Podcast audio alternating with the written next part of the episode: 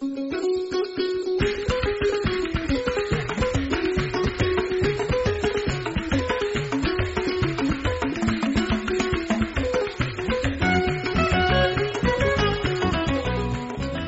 salamu alaikum. Yayin da muke kan batun shirin da gwamnatin Najeriya ta kaddamar na kurmata duk wani da ya saci dukiyar al'ummar ƙasa. Shirin da aka samar domin ƙarfafawa 'yan Najeriya ƙwarin gwiwa fitowa sanar da hukumomin yaƙi da cin hanci da rashawa. Duk wasu ayyuka da suka shafi ɓoye kuɗaɗe da sace-sace da yi wa ƙasa zamba. Kan wannan batu mun kawo muku ƙorafin wasu 'yan Najeriya guda biyu da suka yi ƙirarin sun kwarmato maƙudan kuɗaɗe. amma haƙƙinsu na kashi biyar cikin ɗari da aka yi alkawarin baiwa duk waɗanda suka samu nasarar kwarmata kuɗaɗen gwamnati da aka sace ba su samu ba. Za mu jingina wannan batu har sai mun shiga sabuwar shekara mai shigowa, inda da yardar Allah za mu ɗaura a daidai inda muka tsaya. A yau za mu fara waiwaye, wanda masu iya magana ke cewa adon tafiya, inda za mu duba muhimman batutuwan da wannan fili ya takala a wannan shekara ta dubu biyu da goma sha takwas. filin ciki da gaskiya ya takali wasu batutuwa da dama na tauye haƙƙi da cin zarafi da nuna fin ƙarfi na ƙiri da muzu.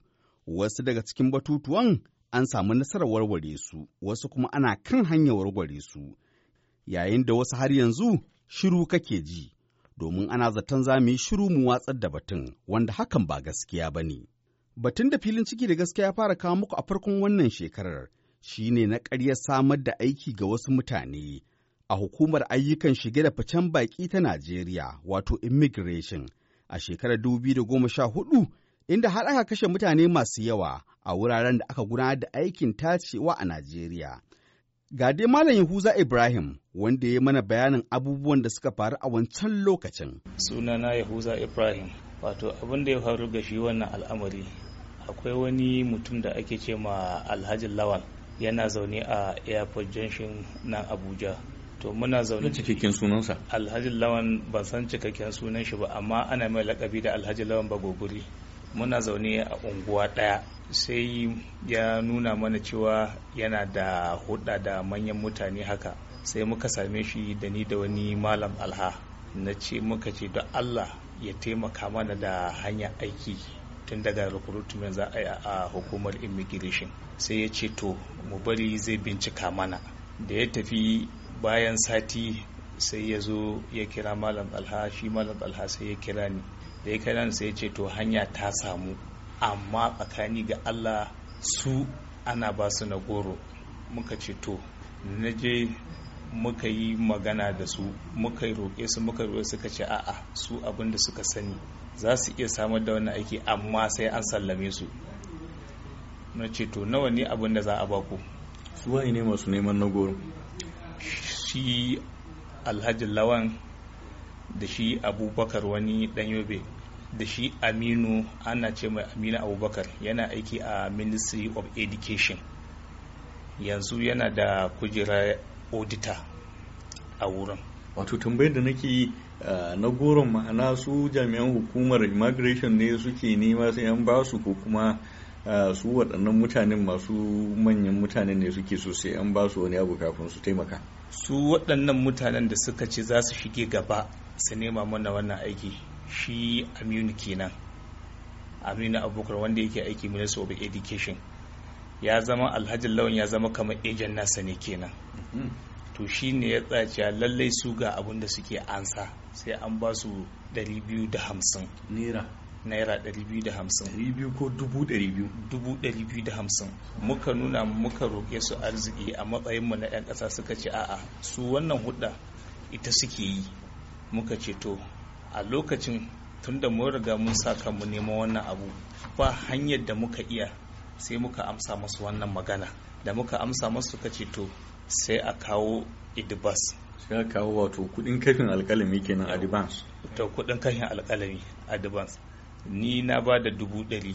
Akwai wani yaro sagir abdulrahman ya ba da dubu ɗari da goma sha biyar. Akwai izira dauda shi ya ba da dubu ɗari biyu da hamsin. A bisa alkawarin za su sama mana wannan aiki na immigration. Yawa a bisa wannan a bisa wannan alkawari da suka yi na immigration sai muka ce to in aiki bai samu bahwa sai shi alhaji lawan ya ce mana in aiki bai samu ba dole a dawo maku da kuɗinku. Ba ta yiwa in yi muku jagora kuma in abu bai yi ba a ce ba za a baku kuɗin ku ba. Muka ce to shikenan tunda kai muna tare da kai muka ɗauki waɗannan kuɗi hannu da hannu shi muka ba. Sannan shi ya je ya kai mashi aminu waɗannan kuɗi. To da ya kai mashi kuɗi yau shekara ta kai uku kenan. Tun da aka kai waɗannan kuɗi aiki bai samu ba.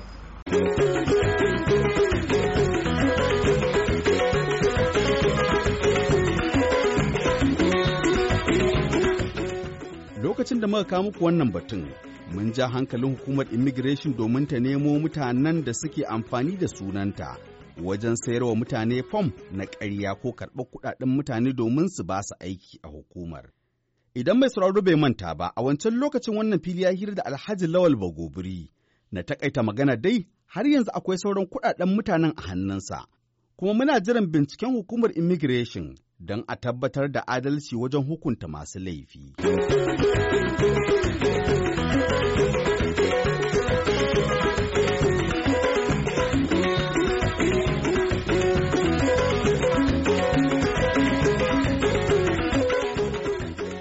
sai kuma batun jami'an hukumar tsaron farin kaya ta dss a kano inda suka shiga cikin unguwar gayawa da ke karamar hukumar ungogo suka harbe wani magidanci mai suna muhammad inuwa mai kaji wanda a lokacin suka bayyana wa iyalansa da mutanen unguwar cewa kuskure ne kuma suka kama hanya za su tafi sai iyalan suka matsa a kan lallai sai sun ɗauke shi zuwa asibiti inda daga bisani ya rasu. A bayan mutuwarsa jami'an tsaron sun tafi da gawarsa zuwa ofishinsu tare da wasu 'ya'yan marigayin guda biyu abubakar da shamsuddin. Sun dai riƙe gawar marigayin da ɗansa abubakar bisa hujjar cewa sai dai iyalansa sun sanya hannu a takardar cewar ba za su tayar da maganar kisan a nan gaba ba kuma ba za su faɗa wa 'yan jarida abin da ya faru ba. Ga dai abin da mai ɗakin marigayin ta faɗa wa filin ciki da gaskiya a wancan lokacin. Sunana maryam maryam muhammadu. Wanda ya faru muna kwance da shi a ɗaki sai ga hasken fitila ta hasko gida. Wannan akuya sai ta tsinke sai take ta kuka sai fito ya kama ta sai ya daure sai suka kuma hasko da fitilar wannan. Fitan nan da zai kafin su yi magana kawai suka harbe shi. Sai ta ya habu ku fito. Da ya ce habu dinan ni ma sai na fita a guje sai na gan shi gaba ɗaya nan sun ragargaza masa shi. A nan ƙofar gida. Ya kin ga raunin da rauni ne ban buɗe ba riga bice a jikinsa. Doguwar riga. Sai dai jinin kawai da ike kwaranya. Sai na ce inna lillahi wa inna ilaihi raji'un. Inna lillahi wa inna ilaihi raji'un. Nace la ilaha illallah muhammadu rasulullahi sallallahu alaihi wa sallama. Kawai sai suka juya za su tafi. Sai na ce ya nabi ina kuka. Ina za ku kashe shi ku banni da shi. Ya zan yi da shi? Gani da ƴaƴa tubarkan lamarayu kun banni da shi. Sai yake ku kai na asibiti ku kai na asibiti. Har sun je shan kwana na bisa a guje ina kuka. Sannan sai suka dawo. Ina ƴaƴan? Hina ce ga su nan guda biyu. Sai suka ɗauke suka tafi da shi. Kuma yanzu sun je ba su ban gawar tashi ba sun hana kuma sun riƙe min dan na guda ɗaya sun ce dan boko haram ne. Ni kuma ba ni abu da mun fiya shi a cikin gidan nan ba. Na tsaba zaluncin ba ɗaya da kika fito ya kika ga yanayin da ina faɗin sa a jiki ba yan sanda ba ne wa yan nan da motar su da motar ita ta juyo suka ɗau gawar ƴaƴan na suka saka a ciki suka tafi kuma nema suke su gudu siyar min da gawar su bar shi a nan. Sai kuma da ɗaukin jama'a suka saka suka tafi suka kai shi. Kuma yanzu gawar sun hana min ita. Sun riƙe min yaro. Ba su ba da gawa ba su ba da gawa ba har yanzu. Akan wani ma san abin dalilin da suka hana shi. Tun misali ƙarfe biyu na dare suka tafi da shi. Lokacin da bakin sa yana cewa a kai na asibiti. Kafin a ce an dora shi a gadar likita an masa aiki ya rasu. Kuma maimakon su ba mu gawa sun hana? An ce a cikin yaran ki sun riƙe wani guda ɗaya wasu na zargin sa da me? Zargin sa wallahi babu. Sharri ne. Ni ba san ta ma. Kasuwanci yake dan kasuwa ne. Kaji yake siyarwa. Karfe goma tara ya dawo gida ya kwanta. Kasuwa a nan yake sana'ar shi. Kasuwar sabon daga sha ubansa duk gurin sana'ar su ɗaya kowa ya san fitacce ne ba oyayye ba ne.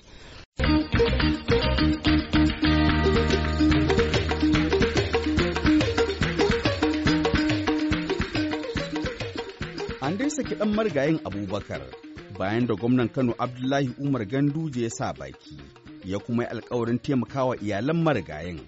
Wannan batu dai na ɗaya daga cikin batutuwan da filin ciki da gaskiya ke ci gaba da bin sawunsu, kuma da zarar mun samu wasu sabbin bayanai za mu sake waiwaye shirin.